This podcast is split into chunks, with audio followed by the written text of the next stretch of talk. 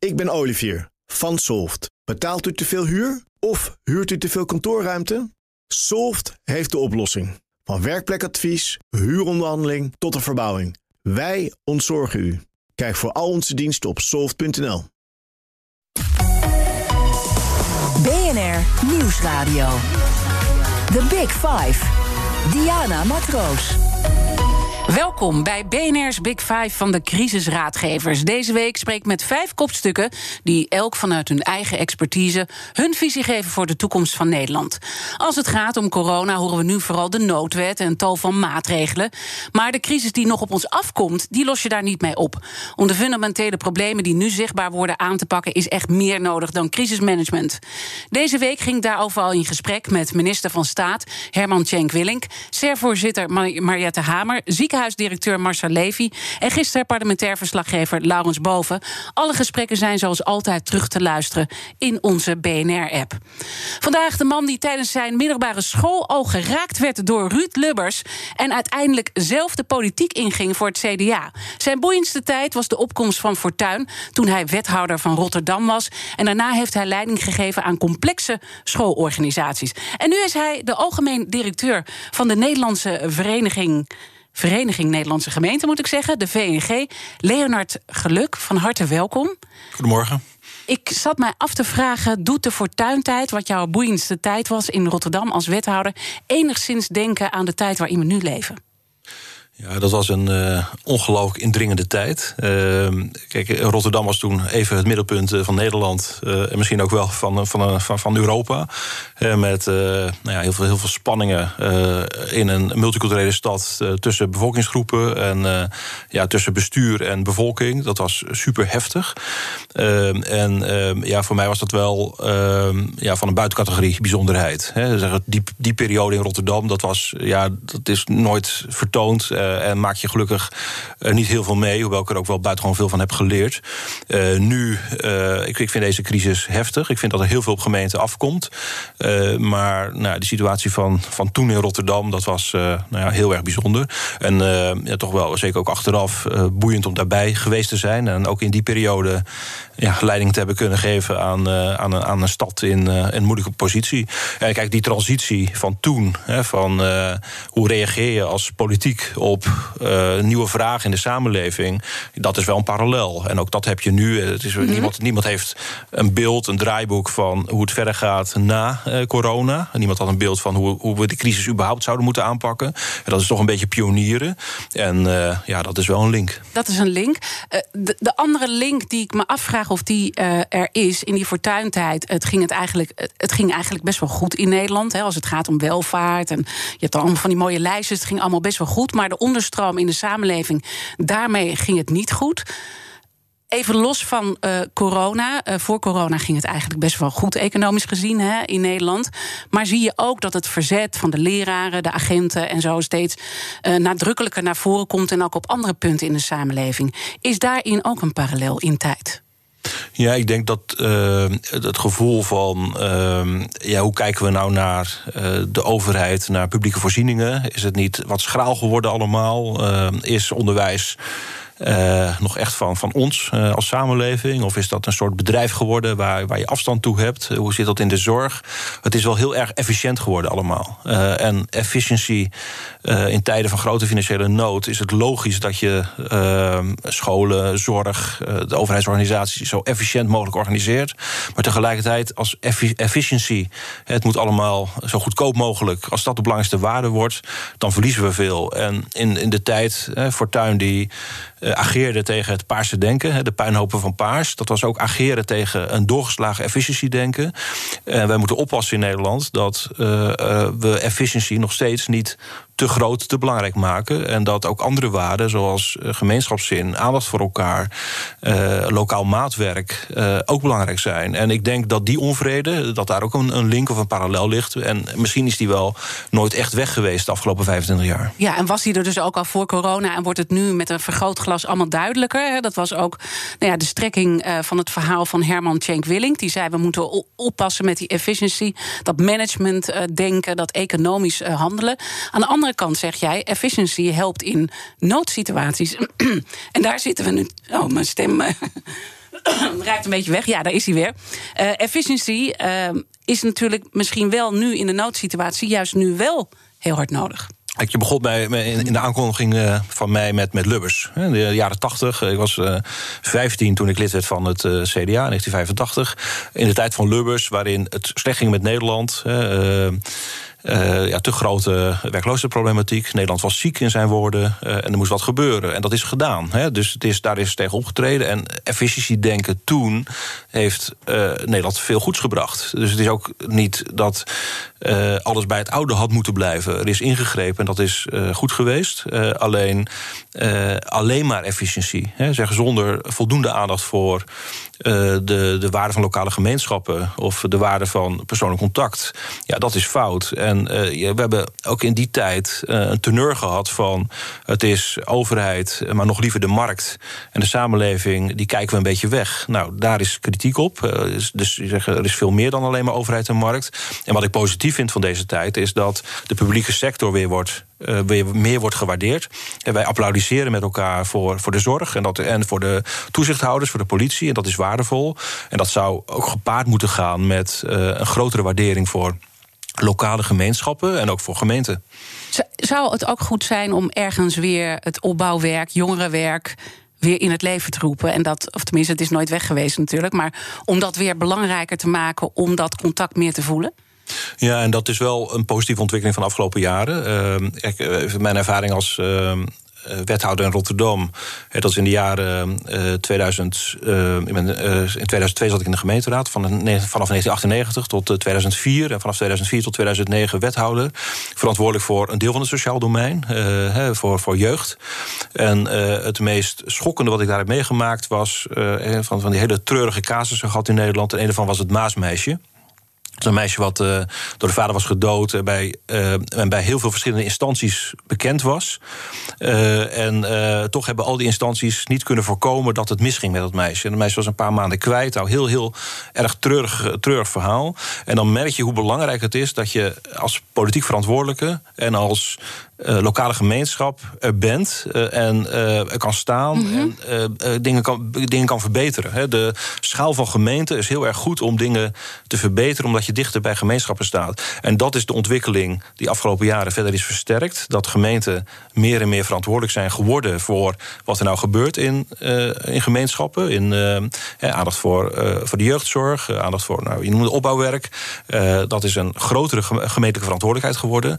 En dat zullen we in dit gesprek nog wel verder op komen. Mijn punt daarin is dat het nodig is dat gemeenten die verantwoordelijkheid ook echt waar kunnen maken. Ja, en daar, daar komen we zeker op, want we komen altijd op het uh, punt van financiën. Uh, dat later. In ieder geval, uh, alvast even concluderend nu, is dat jij dus ook zegt: de marktwerking, daar moeten we gewoon mee stoppen. Deze tijd vraagt echt om een andere houding. Gisteren sprak ik met Laurens Boven, parlementair verslaggever, en die zei ook dat het CDA, en dat is ook jouw partij, daarin ook opschuift nu. Ja, ik, ik, als algemeen directeur van de VNG, uh, onderdeel van een bestuur met, met alle partijen in Nederland. Hè, en zo moet het ook zijn. Dus zeg maar, een, politieke, partijpolitieke pet. Hè. Ik, ik, ben van harte lid van het CDA, maar ik, ik uh, draag geen button eh, van het CDA hier. Uh, en uh, mijn afgelopen periode voor de VNG wel erg betrokken geweest bij het denken over het CDA, de, de komende periode. En daar zie je wel terug dat ehm, herwaardering van. Uh, dus niet alleen markt, niet alleen overheid, maar ook herwaardering van uh, gemeenschappen, van maatschappelijke organisaties, uh, hoog op de agenda staat. Ook een versterking van de overheid. en daar hoort bij dat je kritisch kijkt naar marktwerking.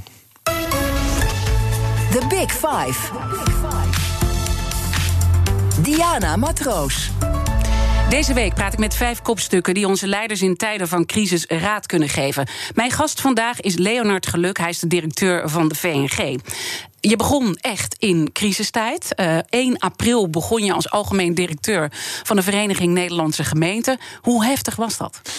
Ja, dat is ongekend heftig. Ik, ik nam op 11 maart afscheid uh, bij mijn vorige baan bij de Haagse Hogeschool. Dat was de dag dat bekend werd dat je geen, uh, geen bijeenkomst meer mocht hebben met meer mensen. dus ik had eigenlijk op de laatste dag dat het nog kon, had ik mijn afscheidsreceptie. Nou, op datzelfde moment, half maart, besloot de VNG, waar ik toen dus nog niet verantwoordelijk voor was, om het gebouw te sluiten. Dus op 15 maart, geloof ik, ging het, ging het VNG-gebouw dicht. Dus ik begon op 1 april gewoon thuis. en dat is best lastig. Het is midden in die coronacrisis. nou, gemeenten zijn ontzettend belangrijk voor de ja, goede maatregelen te nemen om gewoon de Nederlandse samenleving draaiend te houden. een grote taak van de VNG om, dat, om daar een rol in te spelen, om dat te regelen. En ik zat thuis, ik kende de organisatie niet. Uh, ik kende mijn bestuur nauwelijks. Uh, ja, goed, je bent nieuw uh, in een organisatie, dus je weet niet precies hoe het werkt allemaal. Nee. En ja, dat was echt pionieren geweest om en rond corona de goede dingen te doen... en alle, alle partijen te, te, te, te, ontmoeten, mensen te leren kennen... die nodig zijn voor mijn werk. Ja, met wie had je nou uiteindelijk ja. het, het meeste het gesprek? Nou, ik heb ervoor gekozen toen... Uh, ja, zowel uh, binnen de organisatie de goede mensen snel te leren kennen. En dat ging allemaal via, op afstand, hè, via uh, videoconferenties. Maar ook met heel veel burgemeesters te spreken. Zeg van, uh, ik zei al, er is geen draaiboek voor corona. Het is echt pionieren hoe je met zo'n crisis omgaat. Ja. Met elkaar het wiel uitvinden. Dus ik heb heel veel burgemeesters gesproken. Echt in de eerste uh, vier weken van mijn uh, werk bij de VNG. ik heb tientallen burgemeesters gesproken om te, de vraag aan de orde te hebben van... wat komt er nou op jou af?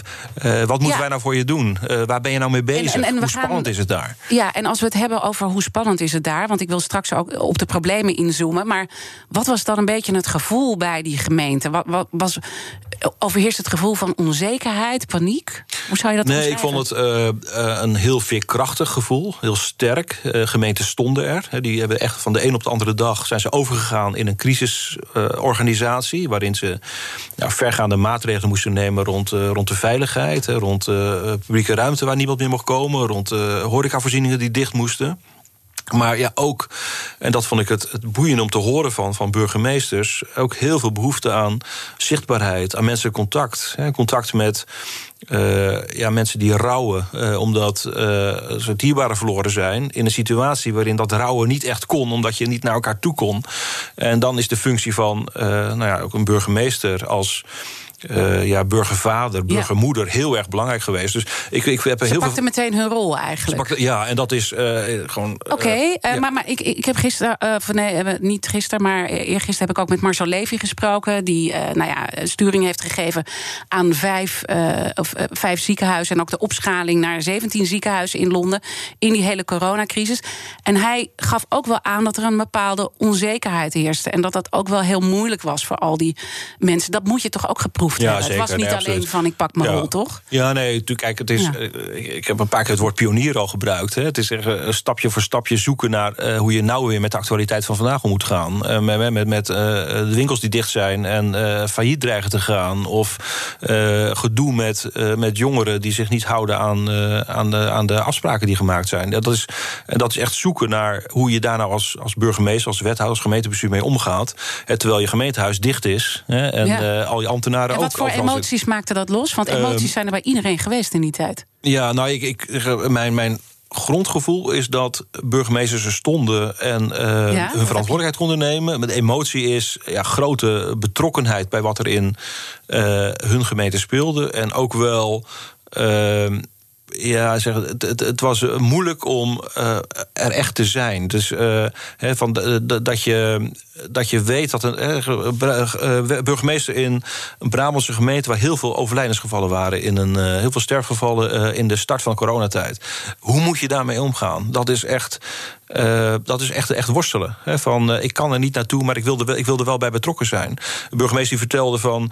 Uh, ik, ik was aanwezig in een winkel waarin twee bewoners echt, echt ruzie kregen met elkaar in verband met de afstandsnorm die niet werd gehouden. Dus echt het dilemma van mensen komen heel dicht tot elkaar, hebben elkaar nodig. Dat hebben we gemerkt in de coronatijd. Een grote solidariteit, maar ook mensen zijn elkaars gevaar, elkaars vijand soms wel. En dat leidt tot agressie. En nou ja, het was echt lastig, of het is echt lastig om daar goed mee om te gaan.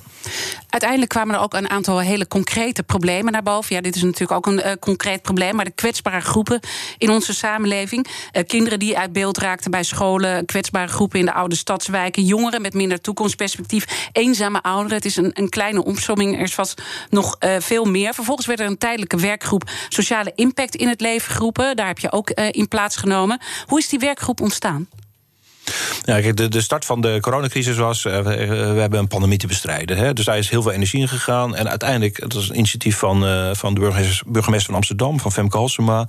Ja, van ja, het is niet alleen crisis bestrijden wat we nu moeten doen... we moeten ook nadenken over de gevolgen. En want wij zien dat jongeren nu thuis zitten en niet op school. wij zien dat daar waar huiselijk geweld is uh, ja, die, dat risico nu veel groter is dan, dan anders. Je kan niet weg. Je hebt daar geen grip op als, als school of als hulpverlening.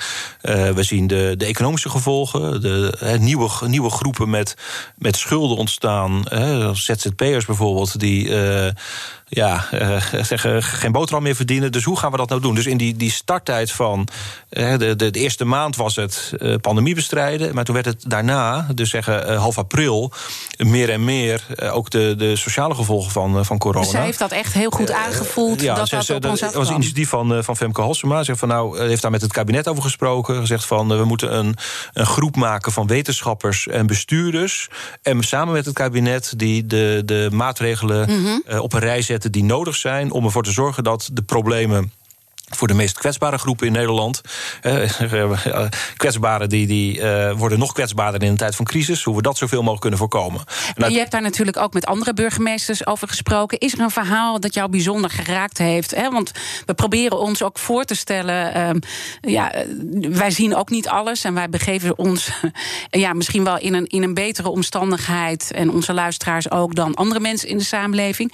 Neem ons mee naar zo'n concreet verhaal wat je hoorde van een burgemeester waarvan je denkt, dit gaat echt niet goed? Uh, de, de, de, stelling van Femke Halsema, eh, die, die klopt, is de uh, meest kwetsbaren worden in een tijd van een crisis extra kwetsbaar. Zoom je in, die verhalen uh, vertellen burgemeesters en wethouders. Zoom je in op een gezin waarin alles bij elkaar komt. Uh, kinderen niet naar school, klein behuisd. Ehm, ook de ouders thuis. Wat dat doet met een sociale gemeenschap. En vervolgens hulpverlening uh, die, of jongerenwerk die er niet bij kan omdat er coronamaatregelen zijn. Uh, dat is echt heel heftig geweest op veel plekken. En, en beschrijf die heftigheid. Wat gebeurt er dan? Wat, wat, zodat we ons ook kunnen voorstellen wat voor impact dit heeft voor wat, ons Wat er gebeurt is dat ja. hulp. Ik, heb dat, ik, ik zei net, mijn meest heftige uh, wat ik het meest heftig wat ik heb meegemaakt als bestuurder is uh, situatie Maasmeisje. Ja. Waarin er zorg was van hulpverleners uh, dat zij geen contact konden hebben met de ouders en met het meisje zelf. Terwijl ze wisten, he, voelden dat het niet goed zou gaan.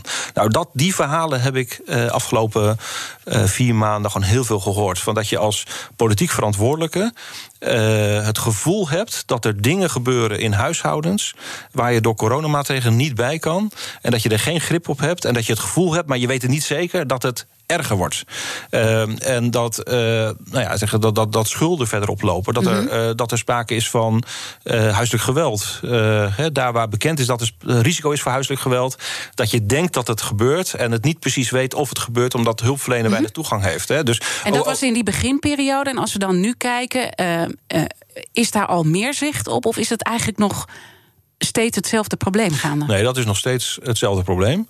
Uh, je ziet wel dat uh, de, de, contacten tussen hulpverlening en gezinnen uh, weer meer kunnen, verbeterd zijn. Hoewel mm -hmm. er ook nog een deel gewoon op afstand staat. En onze zorg was, ook in die commissie Halsema, van het het hoopt te veel op. Hè. Zeggen de, we hebben uh, heel veel, hebben een half miljoen uh, huishoudens met, met grote schulden. Dat zou 2 miljoen kunnen worden de komende tijd. nou, mensen die schulden hebben, die wachten vaak een jaar of drie voordat ze hulpverlening inroepen. Hoe kunnen we nou zorgen dat het sneller gaat? schulden lopen op tot bedragen boven de 40.000 euro. Daar kom je van je leven niet meer vanaf. Kunnen we nou zorgen dat we eerder kunnen helpen? En ik vind het mooie van die commissie was, van commissie Halsema van, daar zat ook de minister eh, Sociale Zaken aan tafel, mm -hmm. En dat heeft ertoe geleid, ook die gesprekken daar hebben toe geleid... dat in de steunmaatregelen voor, voor ondernemers... ook uh, heel veel extra aandacht is, met name de afgelopen periode... voor meer geld voor mm -hmm. schuldhulpverlening en voor het toeleiden okay, van, dus van werk naar werk. De aandacht is er meer. Uh, ja. We weten allemaal als het gaat ook om armoede, wat hier ook uh, doorheen uh, fietst, hè, in, in, in de signalen die jij geeft, dat het eigenlijk alleen maar uh, toe gaat nemen, armoede, los van corona. Uh, SCP en het Cultureel Planbureau hebben al cijfers naar buiten gebracht waar corona nog niet eens helemaal is meegenomen. En dan zie je al een kwart van de stijging uh, van de armoede. Intussen is deze werkgroep opgeheven. En dan vraag ik me af, wat moet er nou concreet gebeuren om te zorgen dat dit probleem gestopt wordt? En is daar ook wel aandacht nog voor in politiek Den Haag nu die werkgroep is opgeheven? Nou ja, de plannen die het kabinet uh, vorige week heeft gepresenteerd uh, over uh, het vervolg na corona, hè, waar ook de, de steunpakketten rond TOZO en, en de nou ja, NOW, zich alle steunmaatregelen voor ondernemers in zaten, bevatten ook een deel met extra sociale maatregelen. En die sociale maatregelen die waren gebaseerd op de, de, de, aanbeveling van de werkgroep van Femke Halsema. Dus dat is opgepakt. Tegelijkertijd moet er veel meer gebeuren. Daar heeft Halsema ook toe opgeroepen. En wat je ziet in die, die gezinnen waarin uh, die, die het meest kwetsbaar zijn, dat zij, even abstract zeggen, maar in heel veel verschillende systemen zitten. Het systeem van speciaal onderwijs, het systeem van hulpverlening het systeem van uitkeringsverstrekking. En het lastige van al die verschillende systemen is dat ze allemaal verschillend zijn. Ja. Dat krijg je niet bij elkaar. Dat krijg je moeilijk bij elkaar. Uh, en de grote doorbraak die we zouden moeten realiseren om de meest kwetsbare gezinnen beter te helpen, en gemeenten kunnen daar een grote rol in spelen, is daar verschil in maken. Dus mensen die alleen maar uh, nou ja, zeggen, één, in één systeem zitten. Hè, van, je hebt een kind die in speciaal onderwijs zit.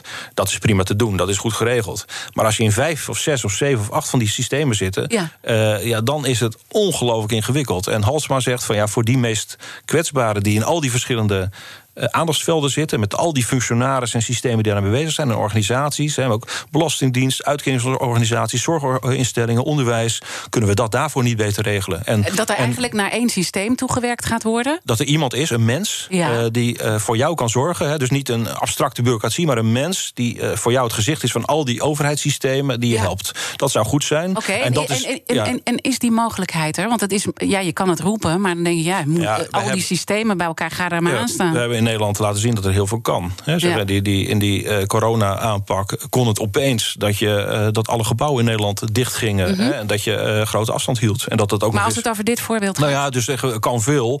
En zou het dan ook niet logisch zijn. Dat je, dat je, kijk, het kan niet. Hè, dat ik even, het zou moeten kunnen. En ik zeg, uh, we hebben laten zien dat we heel veel, ook in tijden van crisis, heel veel kunnen. Maar het kan niet, omdat al die systemen gebaseerd zijn op wetten die dit niet mogelijk maken. En uiteindelijk zijn mensen daar de dupe van. Dus wat wij bepleiten, wat ik, welk gesprek ik zou willen in Nederland, is dat wij gemeenten ruimte geven om dat maatwerk te bieden wat nodig is. Dat een professional, een mens, het goed kan regelen voor, voor een kwetsbaar gezin. En dat we vervolgens alle problemen van al die bureaucratieën die erachter zitten, uh, niet uh, op het bord van die persoon, dat gezin neerleggen, maar dat wij dat afvangen.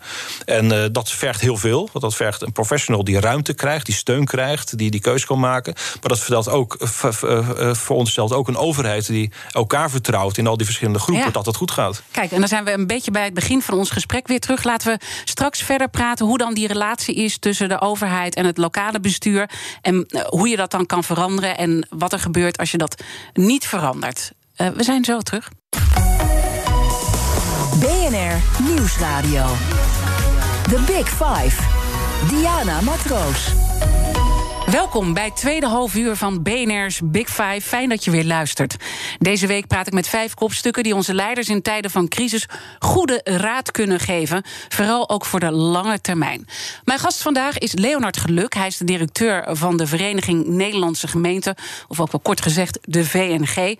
En we waren op het punt aangekomen voor de break uh, dat uh, maatwerk voor gemeenten ontzettend belangrijk is, omdat geen stad of gemeente uiteindelijk ook gelijk is. Uh, toch is in Den Haag het gelijkheidsprincipe leidend. Leg even uit wat dat concreet betekent. Nou ja, heel simpel gezegd is dat uh, controle.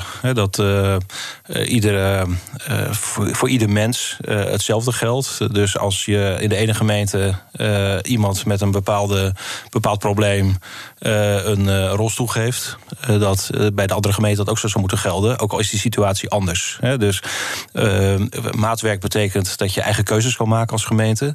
En dat je een afweging kan maken van wat voor een bepaalde situatie, voor een bepaald gezin, voor een bepaald persoon nodig is. En je ziet een ten teneur dat niet het maatwerk leidend is, maar dat alles voor iedereen gelijk moet zijn.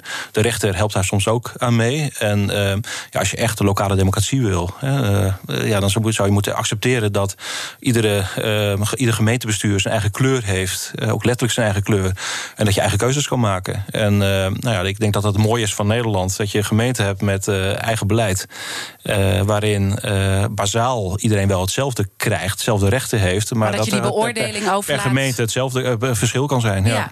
En, en waar komt dan die angst? Hè? Want ik, ik hoor dit nu op, op veel verschillende manieren uh, terugkomen. Trouwens, niet alleen in ons gesprek, maar ook in eerdere gesprekken die ik heb gehad deze week die controledrift, die komt elke keer weer op allerlei vormen komt die terug. Waar is Den Haag bang voor? Uh, ja, dat, of is het geen angst? Ik denk dat er meerdere redenen zijn. Maar ja. een daarvan is dat uh, Politiek Den Haag. Uh, als, dat heet dan stelselverantwoordelijke, als verantwoordelijke hoe dingen lopen in Nederland, makkelijk wordt aangesproken op individuele gevallen. van er komt een ouder in de krant met een bepaald verhaal over eigen kind. Eh, de minister wordt erop aangesproken en de minister eh, wordt dan gevraagd van waarom heb je het niet voorkomen? waarom is het niet anders gegaan? En de minister geeft dan opdracht aan de inspectie eh, of aan een andere controleinstantie om ervoor te zorgen dat hij dingen weet en dat dat echt anders gaat en dat dat nou ja, toch een beetje ten koste gaat van lokale afwegingen die worden gemaakt. En uh, zeggen vertrouwen. Hè, van, uh, we, we, vertrouwen erop. We zijn democratisch gekozen gemeenteraden die goed kunnen controleren wat een gemeentebestuur, wat een college van burgemeester en wethouders doet. Dat vertrouwen dat daar goede keuzes in worden gemaakt en accepteren dat daar verschil is. Ja, dat vinden we wel eens lastig in Nederland. En dat heeft dus met die afrekencultuur te maken die we misschien in de hele brede samenleving natuurlijk met elkaar hebben gecreëerd. Ja, wij accepteren niet heel veel risico's. We accepteren niet dat dingen misgaan. Uh, dus we, we zijn enorm aan het beleid het maken om risico's zoveel mogelijk te voorkomen. En een ondertoon bij die risicobeheersing is zorgen ervoor dat uh, er geen politiek gedoe ontstaat. En dat gaat automatisch gepaard met controle. Dus de tegenbeweging is van vertrouwen in professionals, vertrouwen in lokale bestuurders. En ook accepteren dat er eh, in het hier en nu van de moderne samenleving dingen misgaan. En wel eens dingen misgaan. En daar heb je dan maar mee te dealen. Ja. Maar het alternatief is eh, controle, controle, controle, controle. En we geven heel veel geld uit. Heel veel ambtenaren bezig met het controleren van, van de uitvoering. Terwijl we daar geen mens mee helpen. En dat zie je ook aan uh, alle demonstraties die nu ook uh, ontstaan. En de frustratie bij leraren, bij agenten, bij dokters. Het komt uit, uiteindelijk op allerlei fronten komt het terug op het moment dat we hiermee door blijven gaan, want dat is ook die managementfilosofie, hè, die, waar we nou ja, hele, eh, de hele generatie ongeveer mee is grootgebracht, dat alles met managementstijl behandeld moet worden. Als we daarmee doorgaan, wat is dan de consequentie voor als samenleving? Nou ja, er is wel eh, in mijn overtuiging echt een grens aan uh, dat het efficiëntiedenken, efficiëntiedenken waarin alles meetbaar moet zijn. Hè, waarin je in het onderwijs stuurt op, uh, ik heb lang in het onderwijs gewerkt, stuurt op aantallen diploma's voor je bekostiging. Hè. Als je niet voldoende diploma's afgeeft, krijg je onvoldoende geld. Krijg je minder geld. Maar dat het echt gaat om wat je nou toevoegt als docent in het leven van een student, -hmm. Uh, dat is niet altijd meetbaar. Dat is, uh, natuurlijk moet er een, leiden tot een diploma wat een waarde heeft, maar uiteindelijk wat je toevoegt als school is niet altijd meetbaar, maar wel heel erg belangrijk. En die verantwoording daarvoor ligt gewoon op de, binnen de school zelf. In het contact tussen mm -hmm. studenten en docenten, of ook contact met wat dan heet stakeholders in de omgeving. en die, die lokale verantwoording hè, van een gemeente of van een ziekenhuis of een school uh, richting eigen ja. Eh, regio, eigen de mensen in de eigen buurten, mm -hmm. eigen gemeente, ja, die is veel belangrijker dan dat alles in concrete meetbare getalletjes wordt uitgedrukt. Dus ja, je vraagt maar, van wat is de langere termijn ontwikkeling? Ja, als we niks uh, doen. Nou, uiteindelijk is het een soort verschraling. Als efficiëntiedenken in alles leidend wordt, is het een verschraling voor heel veel en leidt uiteindelijk tot een verdere uitholling van de lokale democratie. Want dan krijg je een soort landelijke standaarden. We hebben dat nu met, uh, dat heet het abonnementstarief, uh, in, in een bepaalde wet die zegt van ieder mens in Nederland die behoefte heeft aan huishoudelijke hulp, moet dat kunnen krijgen bij de gemeente voor 19,50 euro per maand. Dus als je uh, een hulp had vroeger voor 80 euro in de maand, uh, doe je die weg, ga je naar de gemeente, krijg je hulp voor 19 euro. Ja, dat is een soort stuurbaarheid die ervoor zorgt dat er geld wordt uitgegeven aan mensen die dat helemaal niet nodig hebben. Waarin een soort gelijkheidsgedachte leidend is, waarin iedereen hetzelfde krijgt, waarin je de lokale democratie of het lokaal eigene verder uitholt. dat is geen goede ontwikkeling. En die ontwikkeling die ontwikkelt zich niet altijd de goede kant op. Dus het gesprek wat je voert, van waar gaat dit naartoe, in Nederland is een heel belangrijk gesprek. En uh, ja, ik, ik, denk zelf hè, uh, dat mhm. het efficiency denken, als het efficiency te belangrijk wordt, te leidend is, dat het ten koste gaat van uh, ja, waarde van persoonlijk contact en gemeenschap, die mm -hmm. ook in deze tijd belangrijker zijn dan ooit. En, en, en daarin ook verdere polarisatie? Uh, ik denk, ja, jij zegt van de ontwikkeling van de afgelopen 25 jaar is ook dat wij uh, als samenleving bezorgd zijn over onze publieke voorzieningen. Hè, dat die verder verschralen. Dat wij daar niet echt eigenaar van zijn. Dat we er mhm. niet echt betrokken bij zijn. Uh, ja, dat moet de andere kant op. Ja. Dat moet terug. En, en toch zit ik dan te denken: oké, okay, terug. maar die marktwerking is natuurlijk ook niet voor niets ontstaan dat gaf je zelf ook uh, in, het begin van het gesprek aan. Dus dan weer teruggaan naar het oude gaat het niet één grote puinhoop worden? Hè? Stel, we gaan met jullie mee als gemeente. Jullie krijgen meer autonomie. Jullie mogen zelf uh, dingen bepalen. Jullie willen ook meer geld, omdat jullie meer over de schutting uh, uh, geworpen krijgen. Gaan we, gaan we ook allemaal doen. De vraag is even waar moet dat geld dan vandaan komen? En gaan de belastingen dan omhoog? Maar goed, we gaan het allemaal even doen. Wordt het niet ook weer totaal oncontroleerbaar? Nee dat, nee, dat geloof ik niet. Ik heb, uh, de gemeenteraden in Nederland uh, functioneren goed. Hè. Dus er is dus lokaal, gewoon in een gemeente, uh, gewoon een gesprek tussen het, college van burgemeester wethouders en de gemeenteraad over het beleid dat in die gemeente wordt gevoerd. En de vraag is van wat is het schaalniveau waarop je ehm, ja, de, het beste keuzes kan maken. En dat is toch een schaalniveau wat dicht bij mensen staat, bij burgers staat. En ja, gemeenten zijn daar heel, heel goed toe in staat om dat schaalniveau te bieden. Maar je hebt er wel gelijk, van daar hoort wel een. Het, is, het moet niet zomaar zijn van hier heb je een pot geld en uh, succes. Er hoort wel een verantwoording bij. Maar die verantwoording kan ook het beste gewoon op lokaal niveau uh, plaatsvinden. Want uh, gemeenten weten uh, heel goed wat het beste is voor hun inwoners. En inwoners die mengen zich in dat gesprek. Mm -hmm. dus die, dat, dat, is gewoon, ja, die, die laten okay, zich wel horen. Als we het hebben dan, want, want je zegt, die, die, hè, dat kan prima lokaal geregeld worden. Daar kan men ook de boel goed in de gaten houden. Als je kijkt in deze hele crisis, zijn de, is de macht van de veiligheidsregio's natuurlijk enorm groot geworden. Met als voorzitter Hubert Bruls en die burgemeesters die daarin vertegenwoordigd zijn. En eigenlijk is daar helemaal geen controle op vanuit het lokale nou ja, bestuur. Kijk, het is crisis en dan heb je een crisisstructuur. En het is goed ja. dat die er is. Hè. En dat is, vond ik ook bijzonder. Van, ook op de een op de andere dag functioneert hij gewoon goed. Tot op de ja. dag van vandaag. Maar toch even maar, in herinnering maar wij zeggen zelf als, als PNG van, nou, het is nu wel uh, goed dat die gemeente zelf uh, wat meer in positie komt. Want ook in een gemeenteraad moet een burgemeester kunnen verantwoorden welke keuzes worden gemaakt. En omdat we nu alleen met, met noodwet en noodverordening zitten, is dat nu te mager. Dus er moet zo snel mogelijk een goede wet komen die dat regelt. Uh, maar, Want is het dus nu niet te regelen dat de macht bij Hubert Bruls weggaat? Uh, nou ja, in de aanpak van deze crisis is dat het systeem. Hè, met, met, een, met onze wetgeving dat uh, de 25 veiligheidsregio's, waar Hubert Bruls dan voorzitter van is, uh, dat die Nederland nu door de crisis heen leiden. En dat is goed in een tijd van een acute crisis. Hè, dan moet er leiding worden gegeven. Die leiding is top-down. maar we zitten nu in een fase waarin je ook andere afwegingen moet maken over consequenties van, van, van crisismaatregelen. Ook in de samenleving zelf, ook in de economie zelf. En mm -hmm. ja, daar moeten burgemeesters en wethouders ook zelf keuzes in kunnen maken. Dus wij vinden dat dat top-down crisisaanpak nu gauw via wetgeving moet worden aangepakt. Mm -hmm. En nou ja, dus uh, deze dagen ook in Den Haag een gesprek over dat die, die, die COVID-wet uh, echt anders moet. Uh, maar de vraag is van kunnen gemeenten dat aan? En ik ben er zelf van overtuigd ik zie dat. Uh, gemeenten laten dat zien. Dat uh, die taken bij gemeenten in goede handen zijn. Uh, alleen het lastige is dat het Rijk veel taken overdraagt aan gemeenten. Maar er altijd een, een kwart van, de, van het budget afhaalt. En zegt van jullie moeten het maar efficiënter doen. En ja, dat, dat is een onmogelijke opgave. Ja, dus maar jullie zo, hebben, e- even voor, voor de duidelijkheid... jullie hebben een tweede pot geld gekregen... Uh, waarmee uiteindelijk voor 2020 uh, gaat er anderhalf miljard naar de gemeente... als ik uh, het goed de cijfers heb bijgehouden. Ja, het, het, het moet.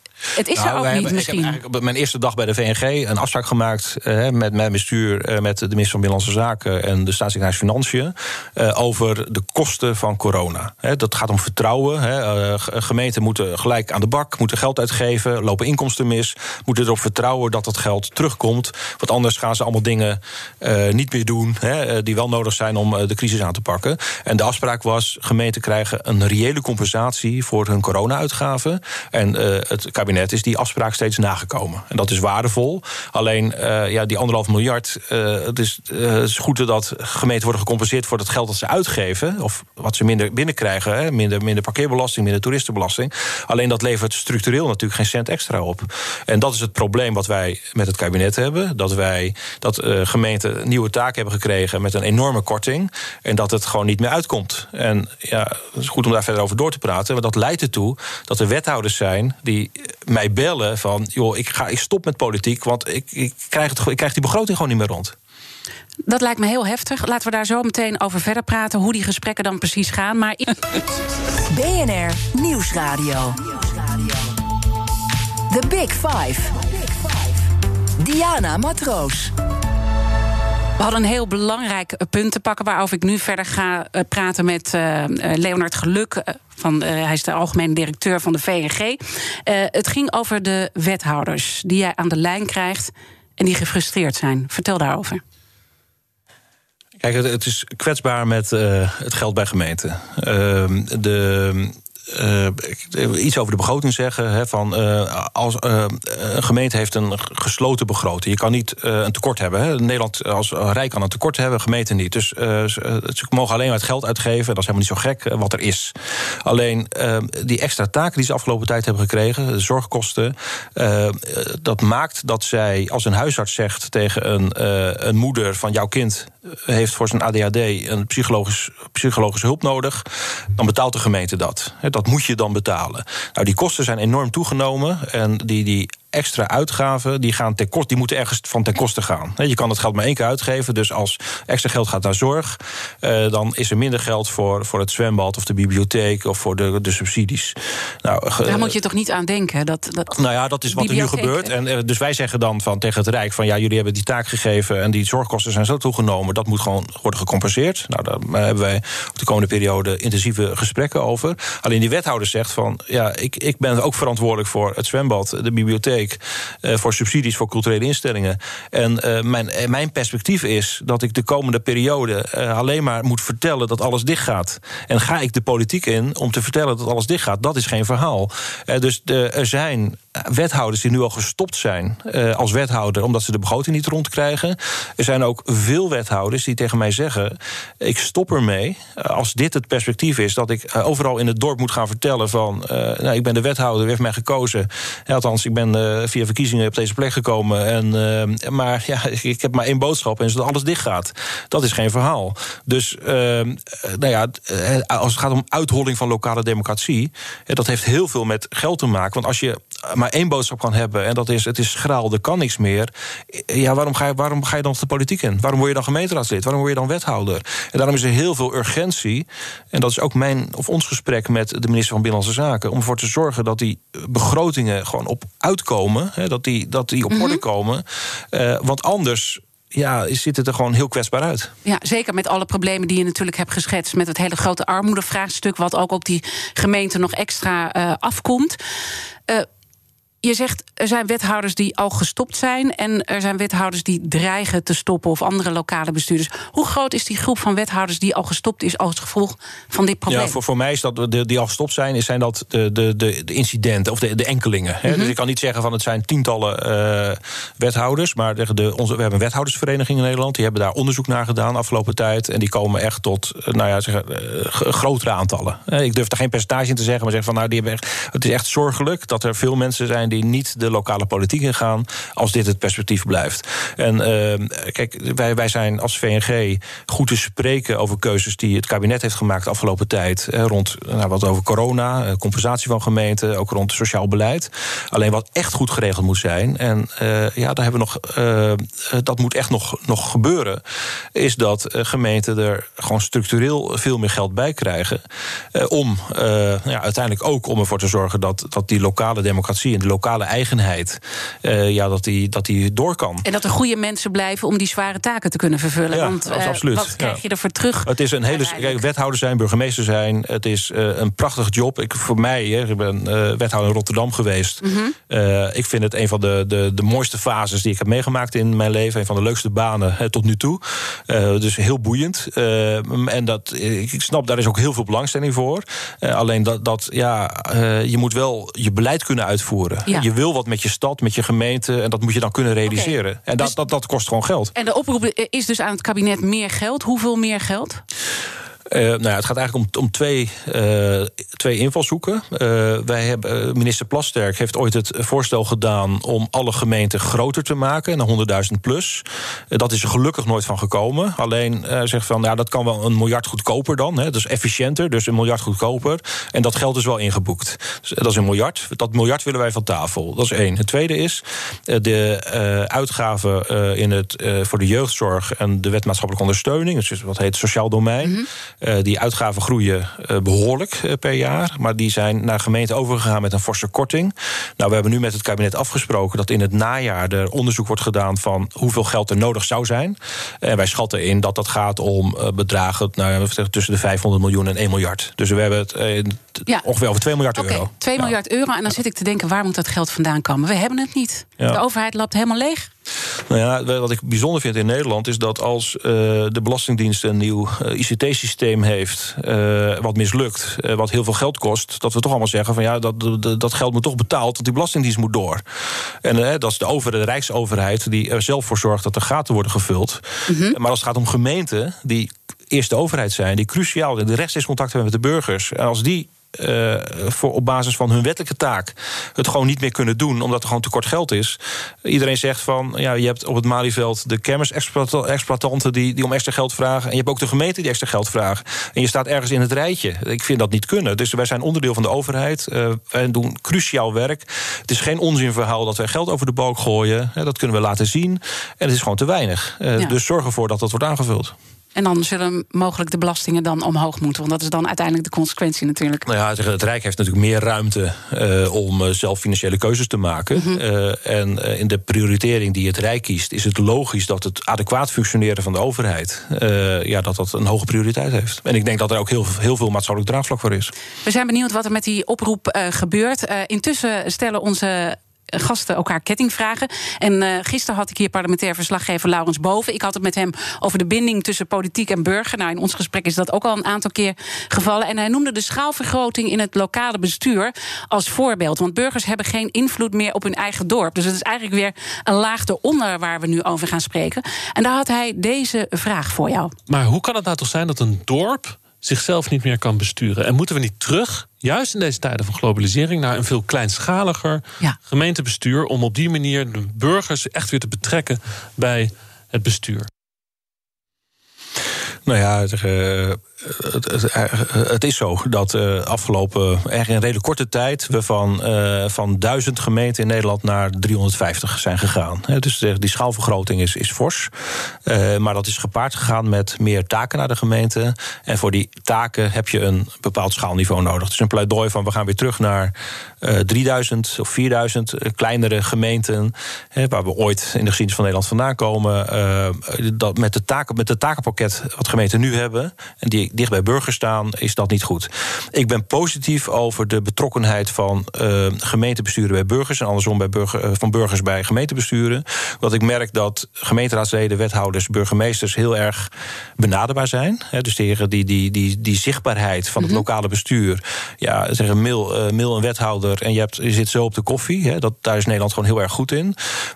en ik denk niet dat een schaalverkleining weer, als, zeggen, als je weer buurtraden of deelgemeenteraden zou, zou oprichten, is niet de dat, dat daarmee de lokale gemeenschap weer maar hoe nieuw leven in wordt gebracht. wel de betrokkenheid?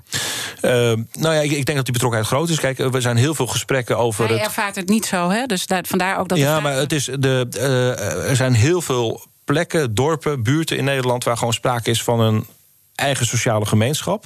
Eh, die betrokken is op eigen buurt en vanuit die betrokkenheid contact heeft met gemeentebestuur. Dat gaat goed. Uh, de stelling dat je weer kleiner zou moeten. Mm er zijn ook heel veel buurten in Nederland waar, waar het loszand is, hè, waar er gewoon weinig samenhang is.